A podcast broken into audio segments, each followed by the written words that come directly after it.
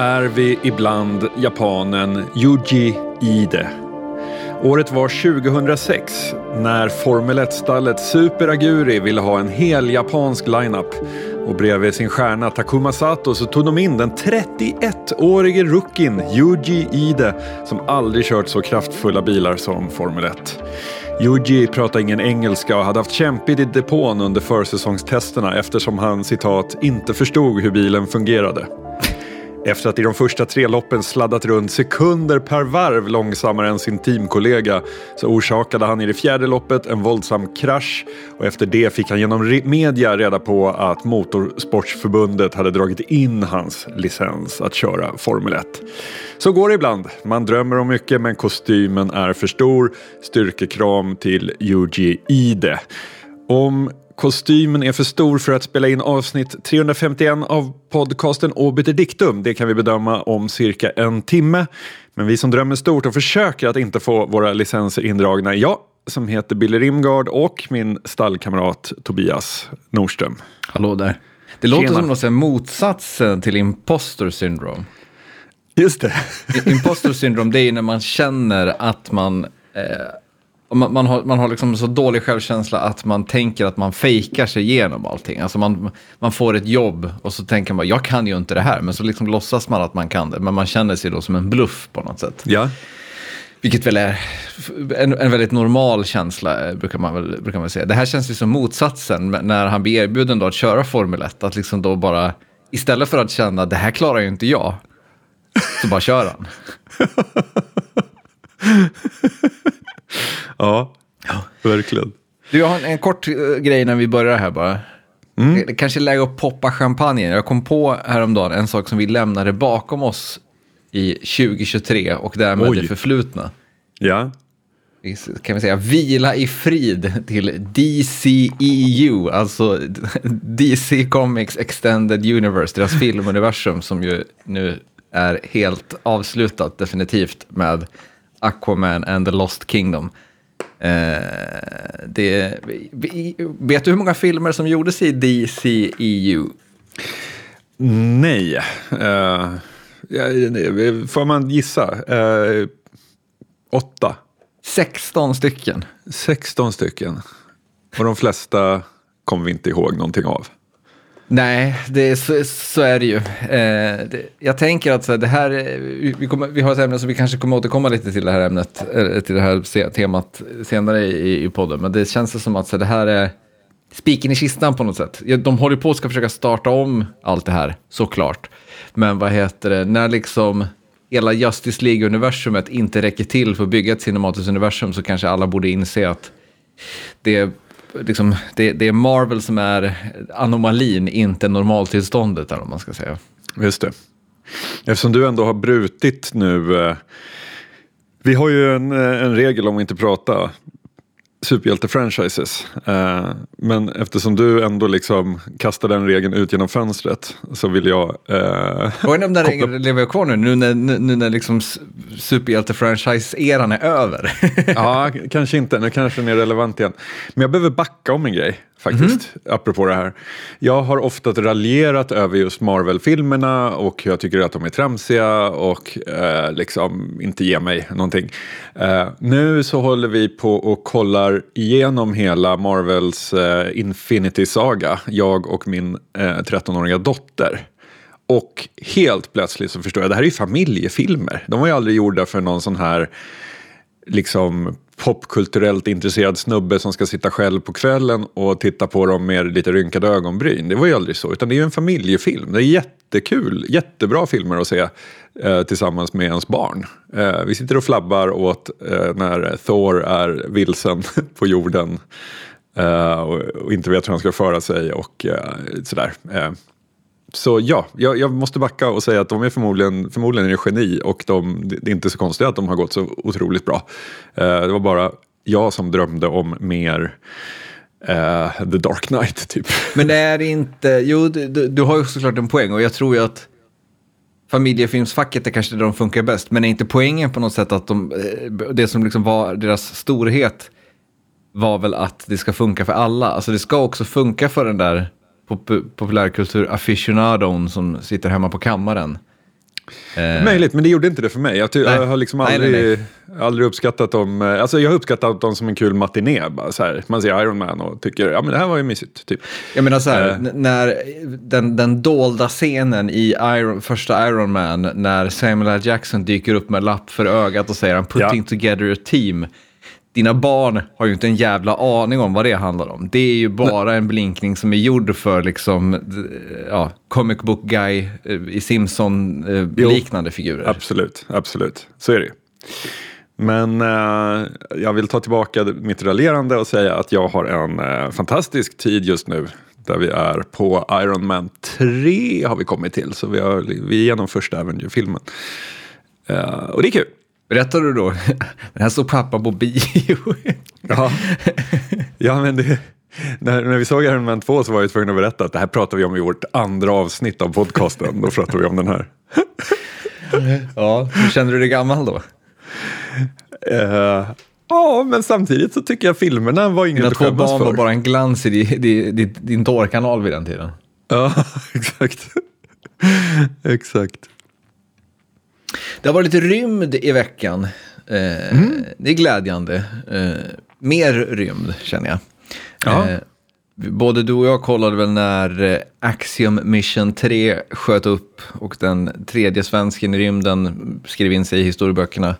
Eh, vi blev nästan ännu gladare när det gick vägen för Japan att landa sin eh, Slim Lander på månen. Eh, det, det, det, kändes, det kändes kul på något sätt.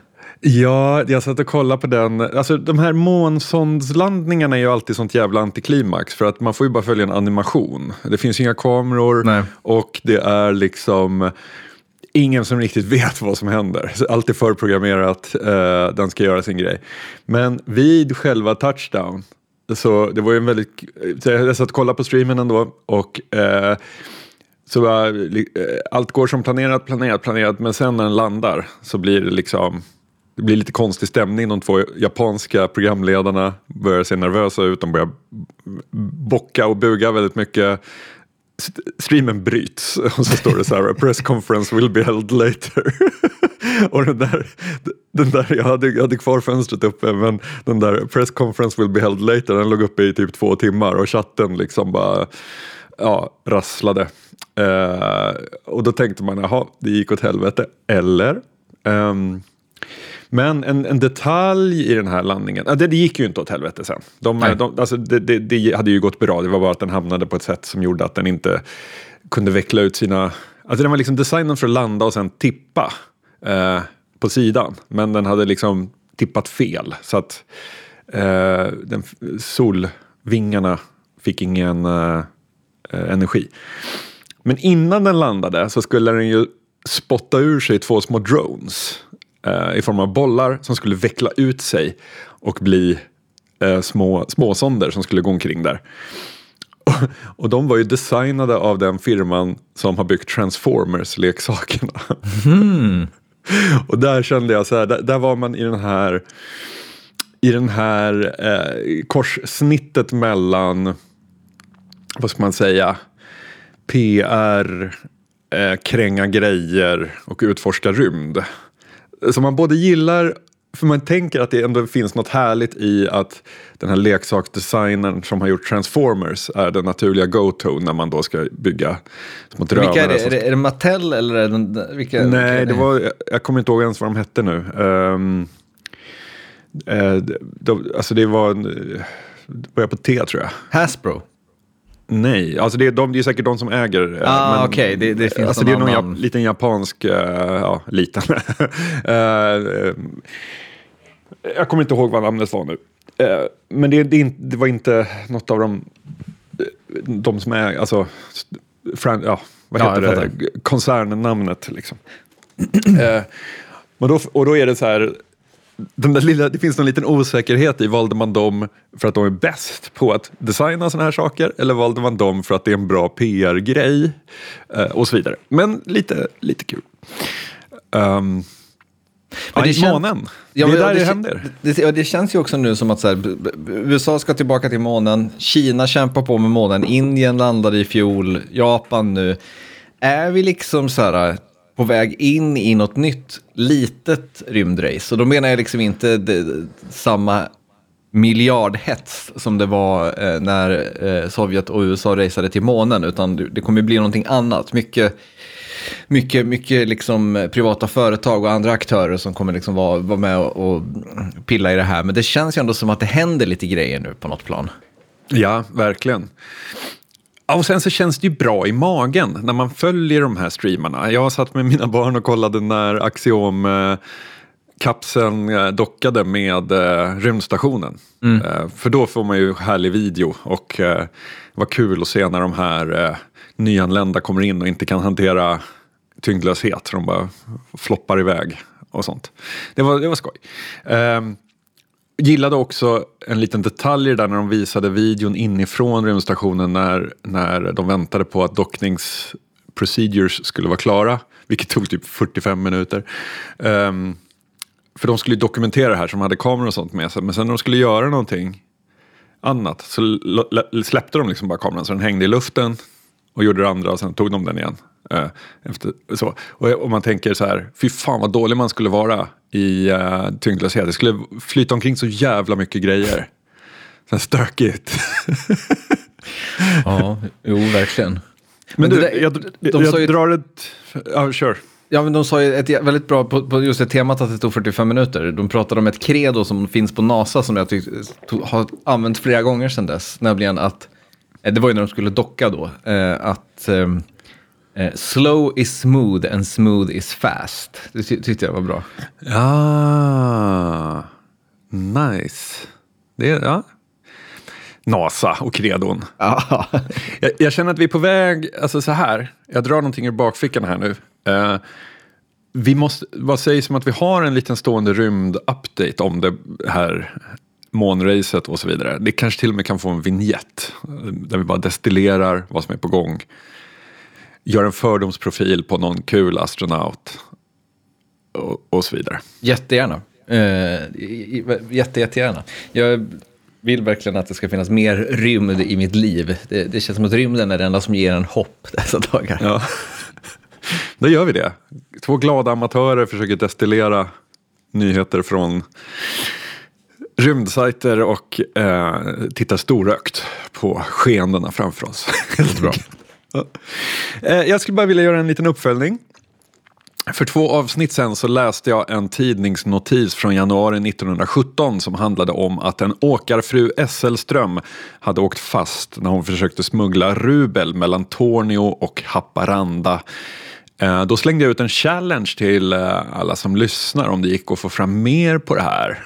Och jag sa att, Eh, jag kommer inte ihåg vad jag sa, om jag sa att det här är den svåraste hittills eller någonting sånt där. Men jag var naiv för att det var inte svårt för poddlyssnarna. Eh, jag hade underskattat vår publik och jag har fått så mycket information och i den här informationen, mellan raderna kan man säga, så har en väldigt intressant bild framträtt. Eh, Stefan L han skickade urklipp från svensk-amerikanska migranttidningar om den här händelsen och gjorde också ett försök att släktforska på den här Esselström. Men de han hittade kom från Esse i Finland så han föreslog att jag skulle göra en shoutout efter finska släktforskare som lyssnar på podden för att kunna ta det spåret vidare. Eh, Shahin A mejlade och hade med hjälp av ChatGPT letat upp kanslirådet Alström som ska ha gjort en utredning om den här rubelsmugglingen i efterhand. Det är ju intressant att få tag på. Um, Oscar B hörde av sig med en essä, en underbar essä där han har lärt mig allt om hur man söker upp gammal domstolsdokumentation från häradsrätter. Hur man går tillväga för att få tag på rättsfallen liksom, om man vill rota i det här. Uh, mycket uppskattat. Uh, Johan A läser en bok som heter Marionetterna av Ingrid Karlberg som bland annat handlar om hur det fördes ut massa rubel från Ryssland efter revolutionen. Det fanns en snubbe som hette Olof Aschberg som var känd som den ryske bankiren som var en nyckelspelare.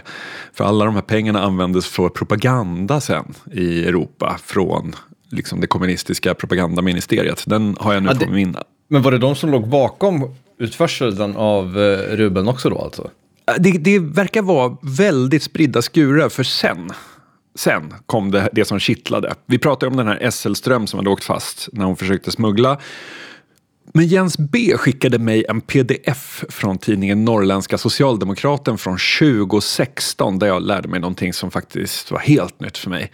Eh, den artikeln handlade om en hundraårsutställning om första världskriget i Haparanda och bland annat skulle det vara en föreläsning av forskaren Helena Ruotsala som när man söker vidare på henne har mycket intressant forskning innanför västen. Det är nämligen så här att gränsen mellan Haparanda och Tornio var den enda säkra överfarten mellan krigande makter under kriget. Så att europeer i Ryssland som packade för att åka hem, de åkte till Tornio och ryssar i Europa som packade för att åka hem, de åkte till Haparanda. Och jag citerar så här. Under krigsåren pågick en trafik av människor, post och varor som vände upp och ner på den lilla gränsstaden. Pengarna flödade, gulaschbaronerna festade på stadshotellet, smugglarna gjorde stora pengar och det fanns 217 verksamma spioner och agenter i Haparanda, vilket ledde till att Sverige skapade en säkerhetspolis. Nämns även en rysk ballettstjärna som var tsarens älskarinna som hamnade i Haparanda. Och det här, jag vet inte om det bara är liksom den allmänna eh, Eh, allmänna förringningen av Norrbotten som gör att man inte känner till det här. Men till skillnad från exempelvis Stockholm var ju en sån här hubb under andra världskriget där liksom alla spioner och underrättelsetjänster satt på sumfranciskaner på Skeppsbron och liksom passade eh, meddelanden under, under borden. Och det, det, finns ju rätt mycket skrivet om. Eh, men att Haparanda och Tornio var liksom den här eh, kitteln, eller getingbot, under, mm. under första världskriget, det kände jag faktiskt inte alls till. Uh, så nu blir jag, uh, jag har liksom, uh, här finns det ju någonting, här finns det väldigt mycket spännande som händer, tänker jag. Det finns en roman där att skriva. Oh ja, oh, ja definitivt. Det känns definitivt. ju också naturligt, alltså, även att man inte själv tänker på det är ju också talande för vilken användning Haparanda hade. Alltså, det, ju, känns som bakvägen på något sätt. Ja, Eh, det, det, en bakväg behövs ju. Verkligen. Verkligen. Nej, så det, det, det ledde, det, lilla SL-Ströms eh, incident där har vecklat ut sig till att bli en stor eh, och jag ska säga, jag, jag var dum, för jag, i mitt researchdokument där jag har klistrat in det här har inte jag skrivit vad, vem som jag fick tipsen av. Så om jag missade någon nu som hörde av sig med något så ber jag jättemycket om ursäkt. Jag är inte bättre människa än så. Jag är jättetacksam för alla som har hört av sig. Det är fortfarande lite oklart vad du ska ha allt det här till. Ja, men det är... Time will tell. Okay. det, är, det är en long con. Inte beredd att prata om detta ännu. men det är inte, det är inte en, eh, en roman i Haparanda eh, i alla fall. Så den, det vill jag att någon plockar upp och skriver. För det vill jag jättegärna läsa. Mm. Är det en, eh, podd, en podcast? ja, det, det skulle det absolut kunna vara. Jag, jag har en poddidé nu som jag vill göra, eh, som, som väl får vara projektet som slåss med spionerna i Haparanda. Eh, eh, så vad hände med Michael Kretu? eh, ja, det, det, är så många idéer, så lite tid.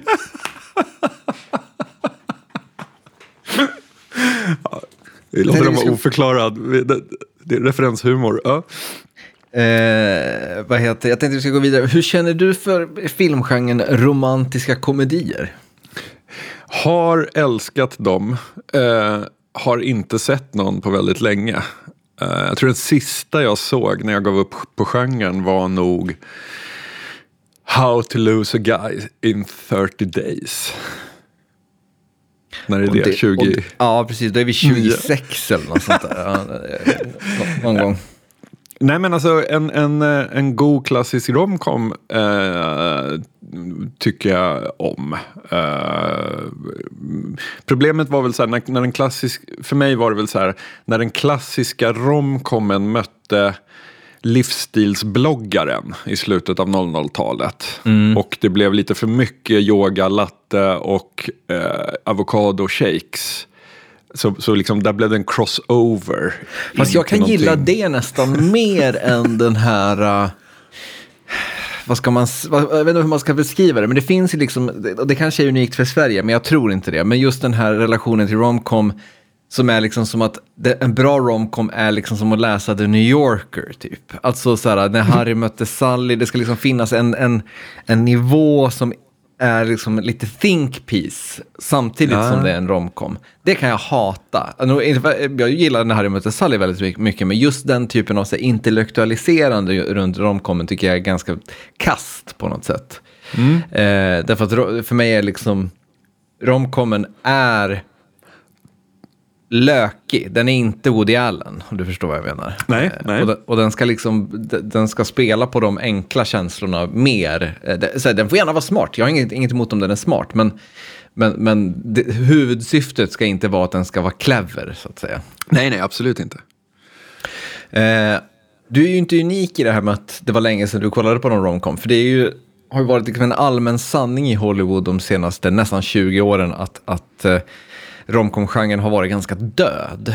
Eh, förr i tiden så var ju liksom romcoms någonting som, som stora stjärnor gjorde och som drog in väldigt mycket pengar.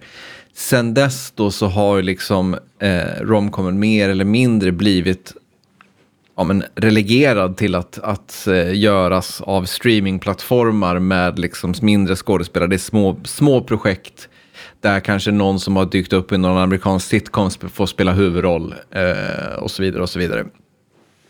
Nu då så kan det här vara på väg att svänga eh, lite grann.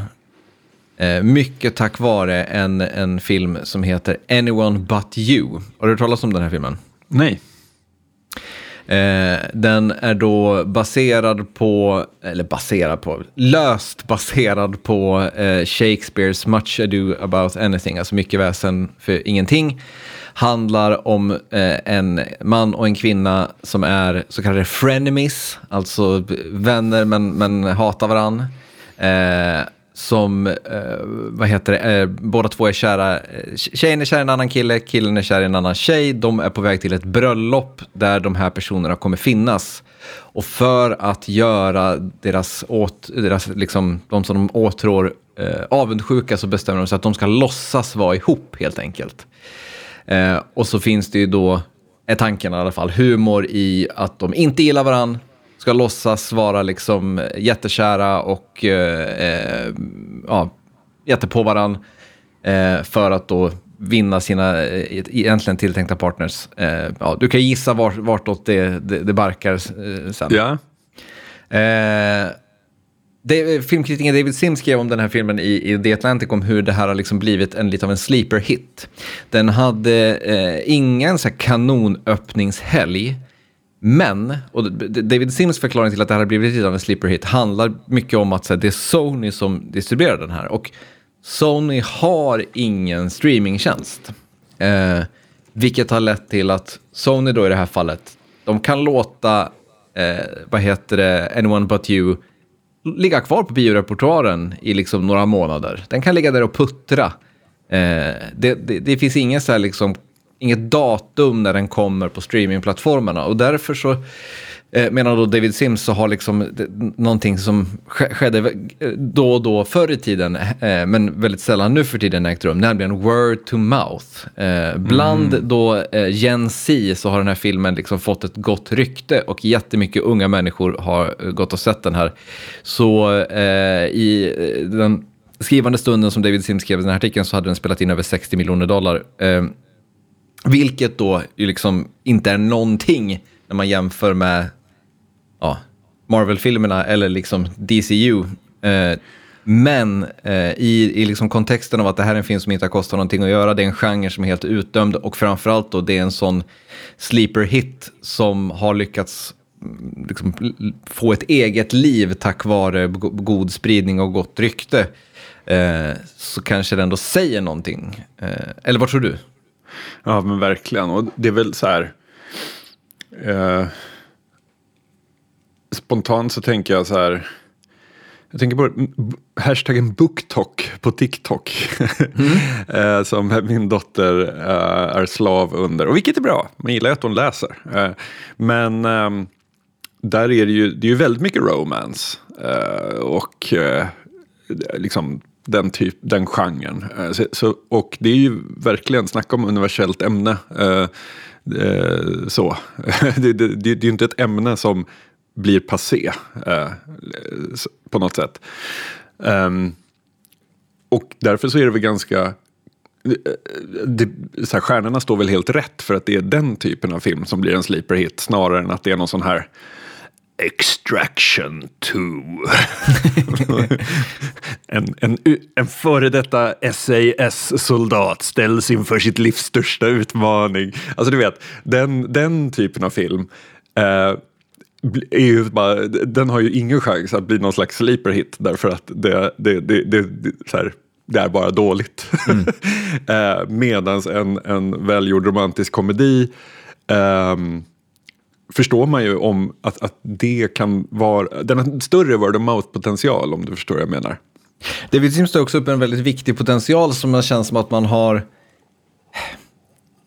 inte förlorat, men man har glömt pratat om ganska mycket med, när det kommer till biofilm de senaste 20 åren. Nämligen att han, han tillskriver då en stor anledning till att den här har liksom blivit en hit, är att eh, Z då går i kompis, med kompisgänget och ser den här och man har a good time. Alltså mm. just idén med biografen att det är liksom en plats där du gör någonting med andra människor. Eh, just den samhörigheten och att du har liksom en, en, underhållande stund för 150 spänn med dina kompisar. Eh, det är någonting som man liksom inte har pratat så mycket om för att det cinematiska eventet har liksom blivit eh, det som tar Eh, all, all uppmärksamhet i anspråk de senaste 20 åren. Det är liksom de hisnande effekterna, eh, eller det, det, stora cinematiska universumet eh, och så vidare, så, som är det som är eventet på något sätt. Inte mm. gemenskapen, om man ska säga. Eh, men men eh, jag, jag ser bara det här som positivt. Eh, mycket för också att det känns som att när sådana här saker sker så gör det att filmstudior och distributörer och den, den liksom stora nöjesindustrin tänker liksom lite bredare. När de liksom inser att de, de, liksom de där enkla pengarna som fanns att hämta i superhjältefilmerna börjar sina så börjar man se som efter annat. Och när man då ser att till exempel någonting som är dött, eh, eller liksom så här, någonting som har setts som dött, funkar så gör det att man inte bara kommer tänka nu gör vi bara romcoms utan det kan också leda till tanken att hmm, de där andra sakerna som har varit döda, de kanske funkar igen nu. Jag tittar på dig, västernfilmen. Just det. Men hänger inte det här också ihop med liksom skiftet från, om man tänker USA då, Eh, där tidigare så var ju The Mall eh, den sociala arenan på något sätt. Du åkte till The Mall och hängde runt där. Du tog en kaffe, du träffade kompisar, du gick på bio. Eh, och då spelade det liksom inte så stor roll vad som visades för att här, det fanns, man valde någonting. Men du var där för att ha en good time som du beskriver. Men i och med att The Mall har ersatts av Facebook och TikTok etc. som den sociala arenan, eh, precis som alltså nattklubben eh, läggs ju ner så fruktansvärt mycket nattklubbar i eh, Storbritannien. Eh, eller klubbar, musikklubbar och pubbar och sånt. De, de här liksom, fysiska sociala arenorna försvinner och flyttas till det digitala. I takt med det så måste ju filmindustrin någonstans hitta en anledning för folk att lyfta på arslet och, och, och gå till bion. Och då blir det, mycket, det blir lättare när man har någon stor spektakulär Avengers-film eller en, ett Oppenheimer-epos eller eh, liksom att man kan dra på de där stora växlarna. Det är mycket svårare att locka dit folk med argumentet eh, gå ut och ha en trevlig stund.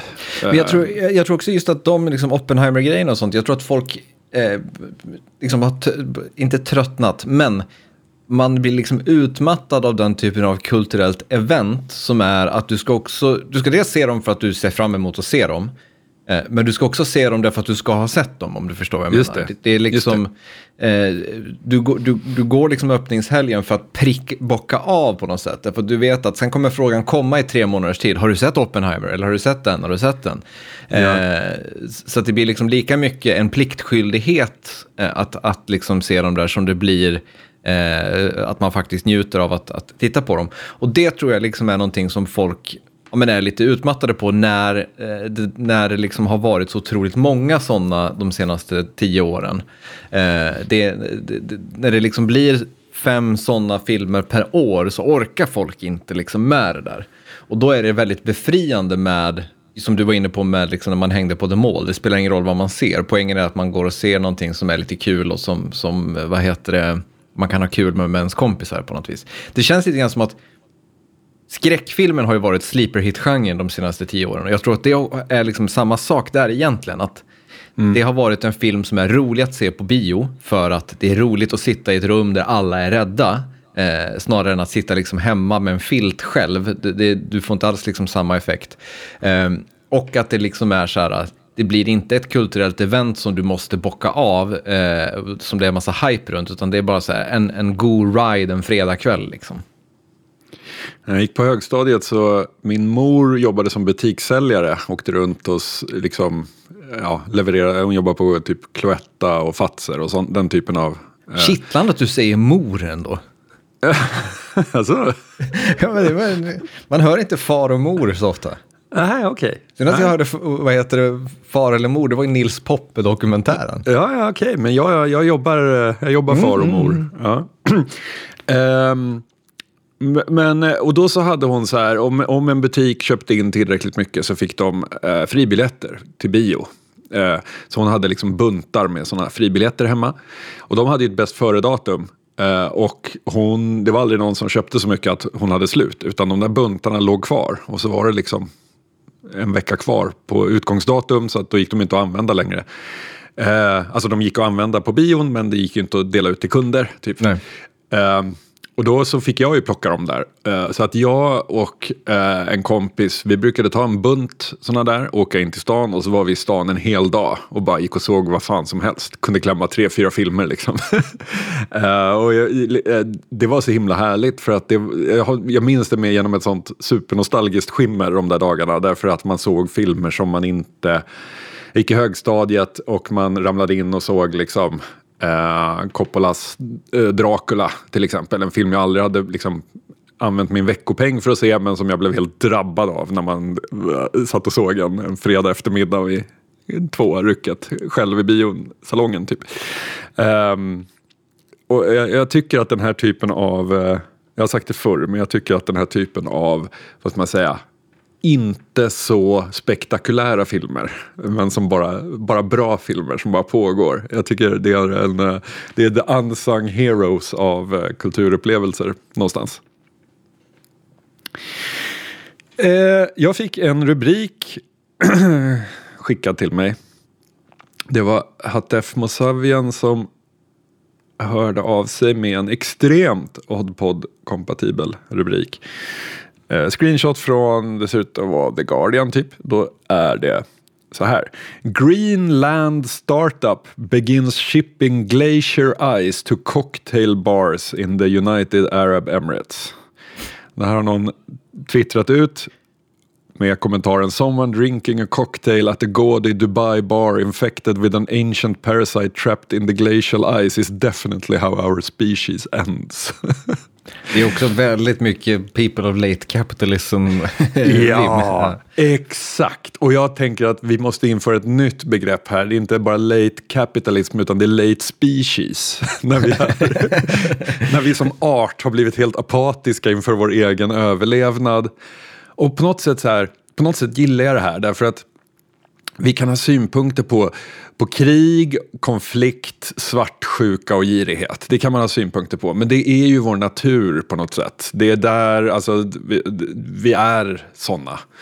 Eh, och om vi gick under som art på grund av det så hade det varit lite förutsägbart. Jag kan ju gilla att det snarare är den totala lättjan och överflödet. där vi liksom inte har någonting annat att göra med våra liv än att sitta och liksom eh, eh, lägga djupborrad is från Grönlands liksom, glaciärer i vår drink.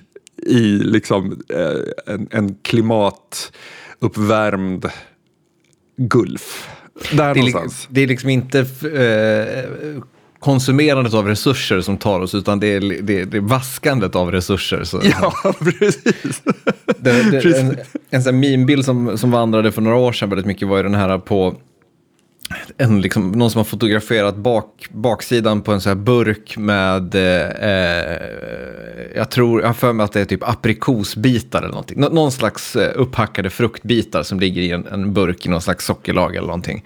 Och sen på, i burken då så står det liksom att de är plockade i Argentina, skalade i Thailand och sen sålda av ett företag i Florida. Så det är liksom så här, och så är det då till bilden när det då liksom är världskarta där man ser då att först, ja, resan den här, de här aprikosbitarna har tagit över världen för att hamna i den här butiken i Florida är liksom så helt, helt sinnessjuka. Och att det då är liksom så här, kapitalismen i sin, i sin kärna på något sätt.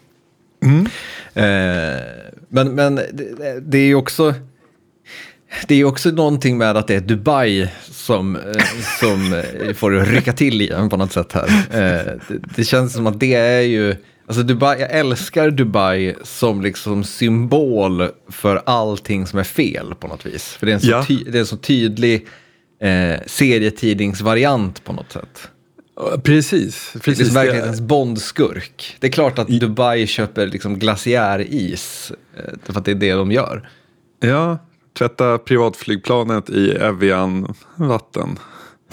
typ. Um, nej men absolut, alla de där hittar på staterna som, och deras galna projekt. Eh, det är på något vis en karikatyr över, ja, det finns, eh, jag gillar det. Jag såg ett klipp, ett klipp häromdagen som var, jag vet inte vem det var, men det var någon slags saudisk prins som var på väg ut från ett hotell och så står det liksom då hans undersåtar, eh, alltså befolkningen utanför och liksom hej, vinkar glatt och sådär. Och då är det typ ett, ett barn som är i famnen på sin pappa som, som vad heter det, eh, får en kram av den här saudiska prinsen. Och så säger barnet, eh, det är kanske en fyra femåring I want a Mercedes. Eh, och då tittar den här, vad heter det, eh, saudiska prinsen på sin aid och så säger han bara, eh, det är te textat då under att han säger bara get the name. och sen så är det bara ett klipp till när man ser barnet står vid en, en, en, en Mercedes. Och det är, liksom, det är så, så, så perfekt eh, eh, illustration på något sätt över hur eh, bara, knasigt det är på något vis. Likadant är väl de här liksom fotbollsstjärnorna som får de här miljardbeloppen och sen så står det liksom fans då, inte liksom agenter eller folk från klubben, utan det står fans på flygplatsen och tar emot dem och ger dem Rolex-klockor som tack för att de kommer till klubben. Det är liksom så här, det var, just ett sånt klubb så jag bara så här, att europeiska klubbar, vi har inte en chans, det är, liksom, det är kört. Hur ska, hur ska vi kunna liksom tävla med att det står folk och liksom kastar Rolex-klockor på spelarna när de kommer till en sån här pissstat istället? Mm. Eh, jag skulle vilja fortsätta ett ämne som jag tog upp i höstas någon gång. Eh, då ifrågasatte jag om eh, det gamla William Gibson-citatet plot, plot is highly overrated anyway, om det verkligen eh, stämde. Eh, och nu har jag den senaste veckan blivit övertygad om att det inte stämmer alls. Jaha. Eh, jag har en otroligt stark läsupplevelse just nu eh, när jag läser 100 år av ensamhet av Gabriel eh, Garcia Marquez. Eh, har du läst den? Nej. Från 1967. Eh, eh, det är väl den som många säger att Marquez fick Nobelpriset i litteratur för att ses som liksom den latinamerikanska litteraturens stora mästerverk. En, en, inte det första, men en trailblazer inom genren magisk realism. Eh, och efter att ha läst, eller så här, efter, mitt i, i den här boken så inser jag att eh, plot är inte highly overrated, plot is everything. eh, för den här boken, det är liksom, det är så mycket plott. Allt är plott. Eh, och jag inser liksom att så här, du kan genom plott om du är en skicklig författare, då kan du genom plott berätta allt det där, göra allt det där som liksom alla författare eh, drömmer om att göra. Alltså bygga värld, karaktärsutveckling, psykologi, relationer. Ha, är du bara tillräckligt bra på plott, då grejer du allt det där, därför att plotten gör det åt dig, så att säga. Ah. Eh, och det finns liksom, så här, eh, handlingen i den här boken då, man kan säga att hela handlingen kretsar runt en by som heter Macondo, eh, som ligger någonstans i Sydamerika. Eh, och man följer då, från början av 1800-talet, en familj eh, som är med och grundar den här byn, deras liksom efterkommande generationer, eh, ja, i som titeln antyder då i ungefär hundra år. Och det, det, po- poängen är liksom då att så här, det, det, den är typ 400 sidor den här boken och det finns liksom inte en sida som inte bara handlar om att ta handlingen framåt. Det finns inte en sida som är beskrivningar av miljöer eller någonting, utan miljön beskrivs när den behöver beskrivas. När de ska ge sig ut på en expedition från den här byn och de inser att eh, till norr finns det bara ett gigantiskt träsk.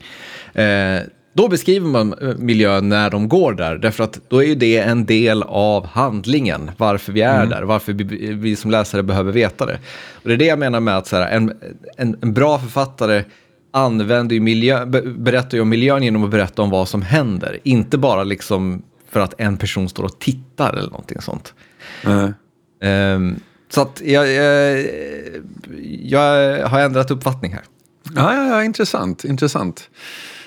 Mm, det, det där är ju, jag tänker så här, man har ju läst ganska många böcker som, och kanske, det, det här är väl extra vanligt inom, vad ska man säga, genre, genrefiktion eller sådana saker. Där liksom plotten är Alltså, resten av boken är så otroligt grund därför att man, har mär man märker att författaren har varit så himla upptagen av sin smarta plott. Eh, att här har vi ett antal pusselbitar som ska gå ihop. Och kolla, det där såg du inte komma, här kommer en twist. Så här, ja. Ehm, men det man minns av boken efter, i efterhand är man kan inte namnge en enda karaktär eller någonting sånt. Man kommer bara ihåg just eh, plottbitarna. Eh, men som du säger så är väl det eh, en svag författare helt enkelt. Eh, som, har, som har skrivit det.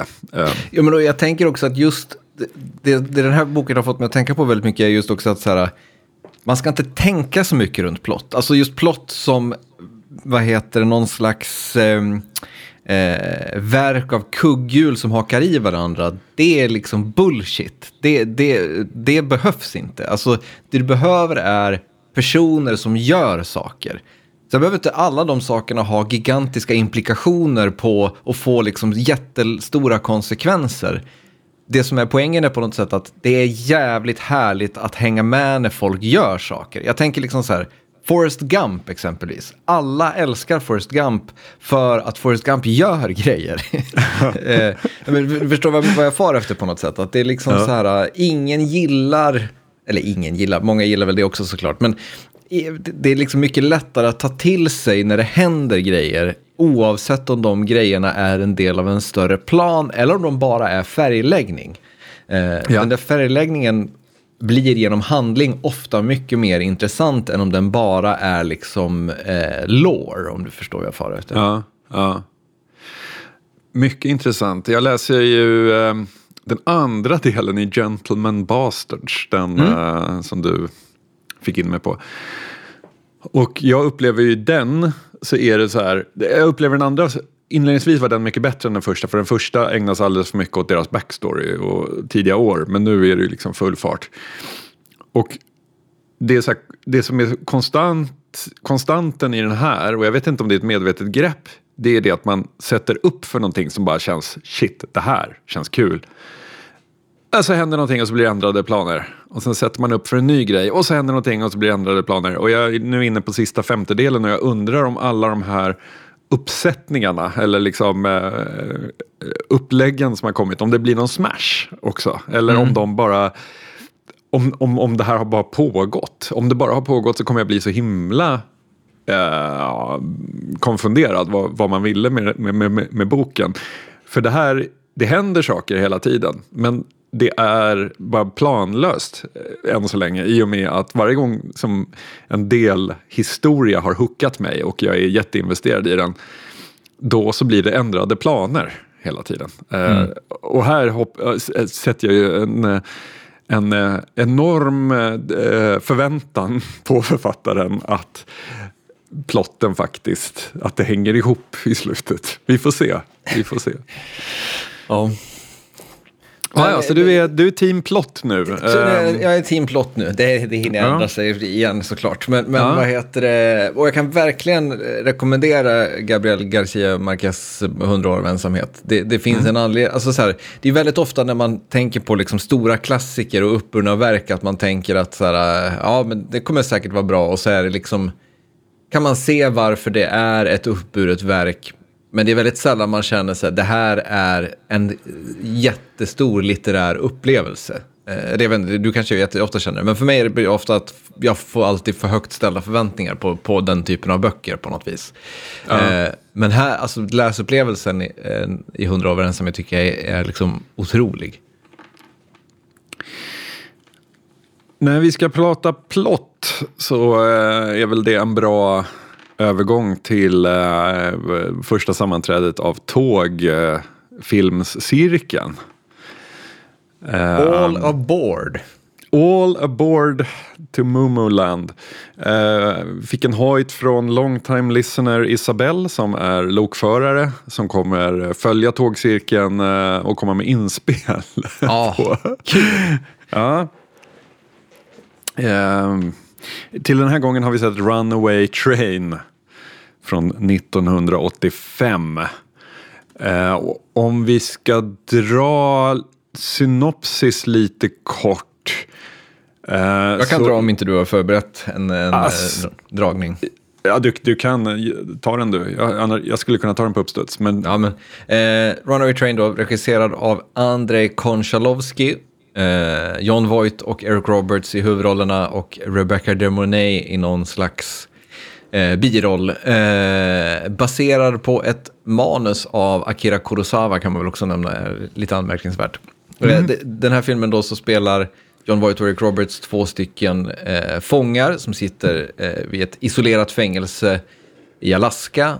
De bestämmer sig, eller snarare John Voight bestämmer sig efter att ha kommit ut ur isoleringscell för att försöka rymma. Eh, annars så kommer han bli mördad av fängelsedirektörens eh, och hans underhuggare på det här fängelset. Eh, Eric Roberts karaktär då bestämmer sig för att haka på, lite, på, lite så här ja, vad ska man säga, spontant. En spontan rymning i princip. Ehm, och de eh, tar sig ut från det här fängelset eh, genom ödemarken till en eh, bangård. Där de då eh, hoppar på ett tåg. Eh, vad heter det? John Voights karaktär ser den här tåget, det här tåget komma ut ur dimman och inser att det är det tåget vi ska med inte omäktig scen när tåget kommer ut ur dimman. Nej, verkligen. Eh, men det som händer då så fort de har hoppat på det här tåget är att eh, konduktören som kör det här tåget, eller jag vet inte om det är en konduktör som kör ett tåg, antagligen inte. Eh, personen som kör det här tåget får en hjärtinfarkt, slår på bromsarna och liksom ramlar av. Eh, men tåget går så pass, pass, pass fort så att de här bromsarna bränns av och tåget skenar ut över den alask Eh, alaskianska tundran. Eh, och kvar då ombord är de här två int, on, eh, inte ont anande fångarna som bara vill eh, ta sig därifrån. Eh, och visade sig då karaktären Sarah, spelad av Rebecca De Mornay. Ja. Så det är eh, klipp mellan någon slags trafikledning som försöker liksom rensa spåren framför och se vilka hinder, lägga om växlar och försöka liksom se till att det här tåget inte spårar ur och kraschar in i någon kemisk fabrik och att det inte eh, förstör en bro som, inte, som har maxhastighet och sådana saker. Klipp mellan trafikledning och eh, det här tåget som egentligen, det är inte ett så långt tåg tyvärr. Eh, det är fyra stycken eh, ihopkopplade lok va? Eh, och eh, där de då befinner sig längst bak och försöker ta sig fram till fronten för att sänka farten och så vidare. Eh, vi har ju ett par, vi kanske ska ta upp dem innan vi eh, pratar vidare. Vi har ett par eh, eh, frågor. Utgångsfrågorna.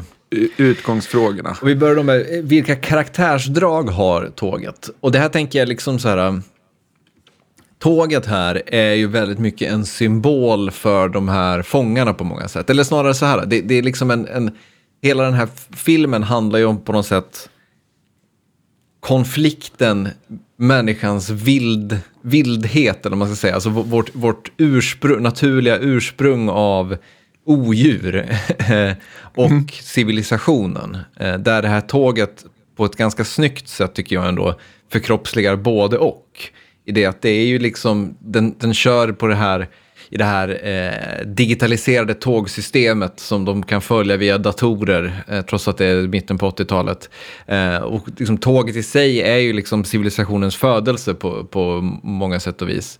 Samtidigt då som det är liksom det här odjuret med fyra sammankopplade lok som liksom skenar ur kontroll eh, och, och understryker de här eh, människorna som jobbar med tåget, deras maktlöshet blir liksom väldigt tydlig inför den här råa styrkan som, som de här loken innehar på något sätt. Eh, mm. Eh, så det skulle jag säga är liksom tågets karaktärsdrag. Och bara det där introt där de ligger och gömmer sig på bangården och tittar på oss. Bara, där har vi tåget, det kan vi ta. Så bara, ah, perfekt, vi springer dit. Och då ur dimman i slow motion så kommer det här mäktiga loket som bara ser så otroligt ondskefullt ut nästan. Det är liksom, ja, Eh, redan introduktionen av tåget är ju olycksbådande. Det är en, det är en jävla bäst som uppenbarar sig där på något vis. Vilken roll spelar tåget? Alltså, tåget här är ju... Alltså, dels är ju det deras eh, biljett bort mm. på något vis. Men det är ju också...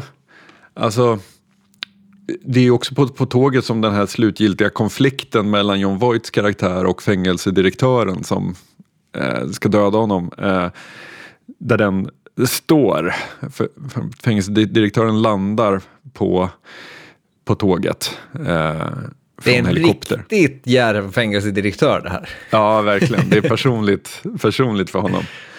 Uh, och, och, det är ju på något sätt så här, de, de här kan, två ur... För er som inte har sett filmen utan bara, bara följer den här filmen genom tågfilmscirkeln. Han hänger oss ut från en stege från en helikopter och tar sig ombord på det här. Det, det, det är liksom eh, fängelsedirektörernas Bruce Willis på något sätt. Ja, ja.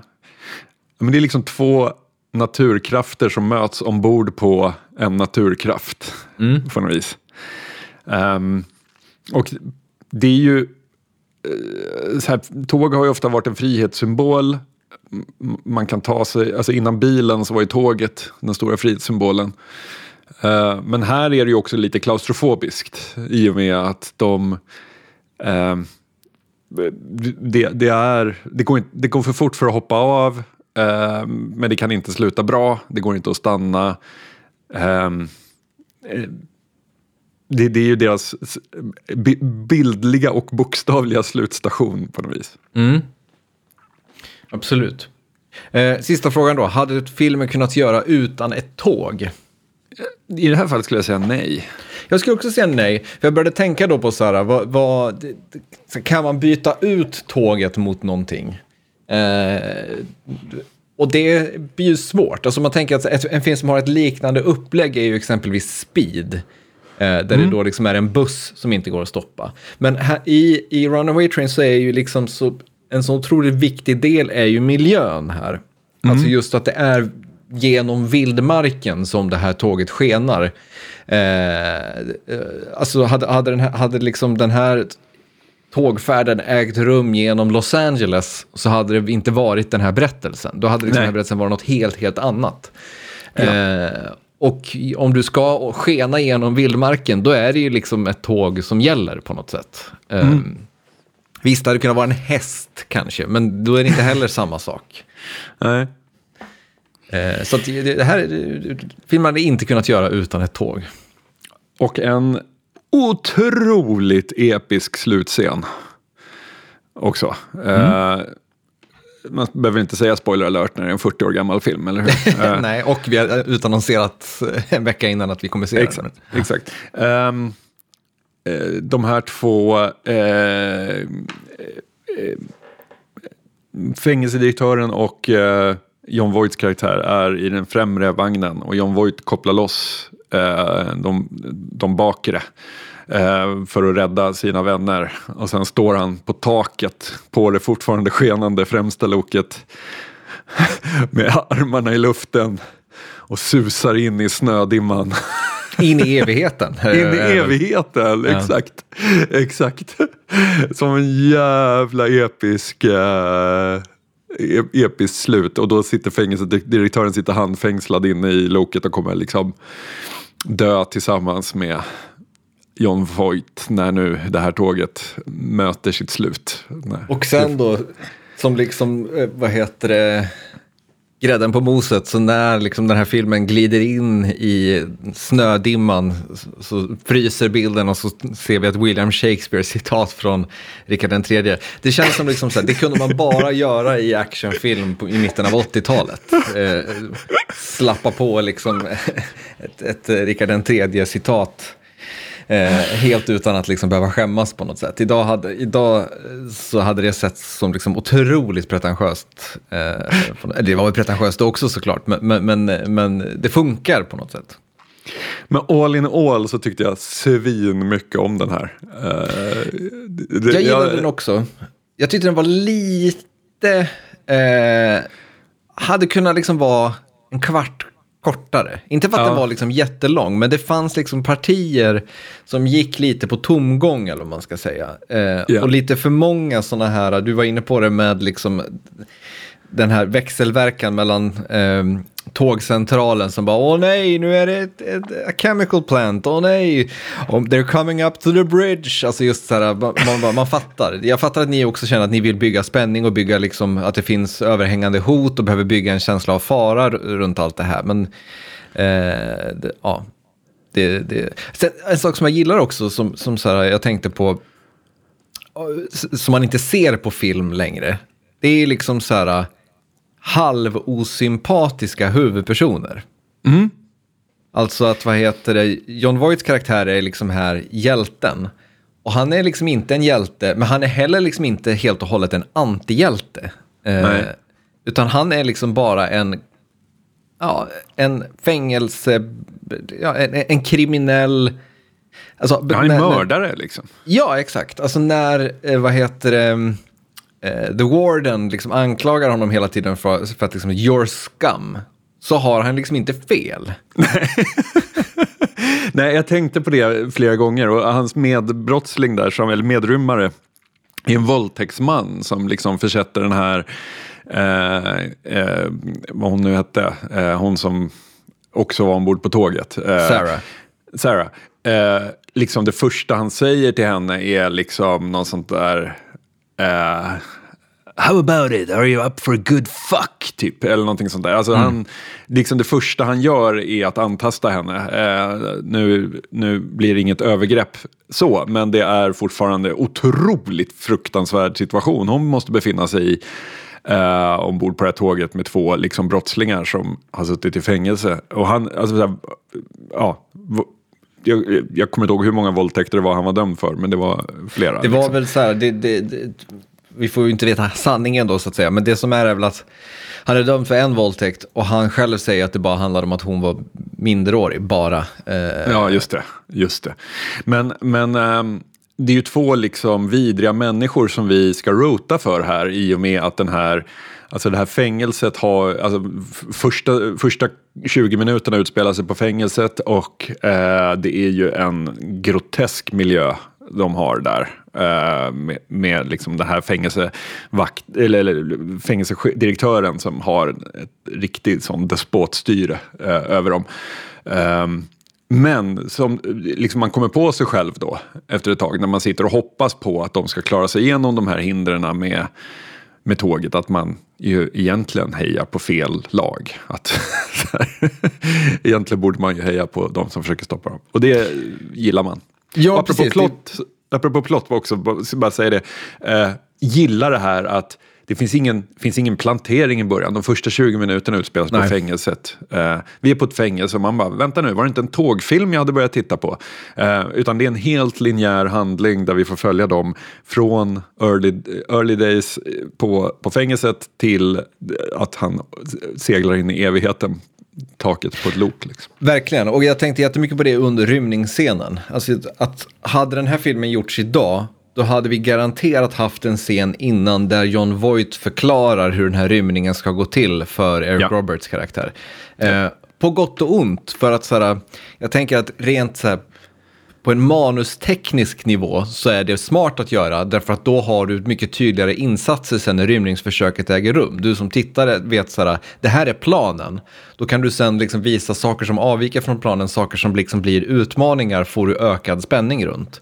När du inte har en aning om vad som ska hända så är det liksom, då får du bara titta och, och, och se på något sätt. Men samtidigt mm. så är det, blir det liksom mycket, mycket mer realistiskt att du är med här och nu när du bara följer med så att säga och inte har en aning om vad, vad planen överhuvudtaget är. Eh, de liksom smörjer in sig i någon slags brunt jävla fett.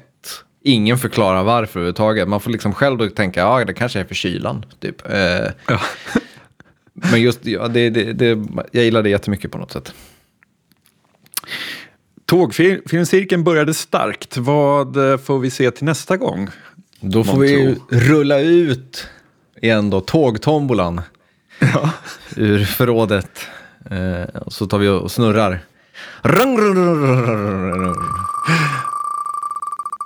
Och så rullar en boll ut då eh, och på den så står det Darjeeling Limited. Eh, vilket är, om jag inte missminner mig, eh, Wes Anderson-filmen, ja precis från 2007. Eh, The Darjeeling mm. Limited. Grymt. Då hörs vi igen, det blir väl nästa vecka.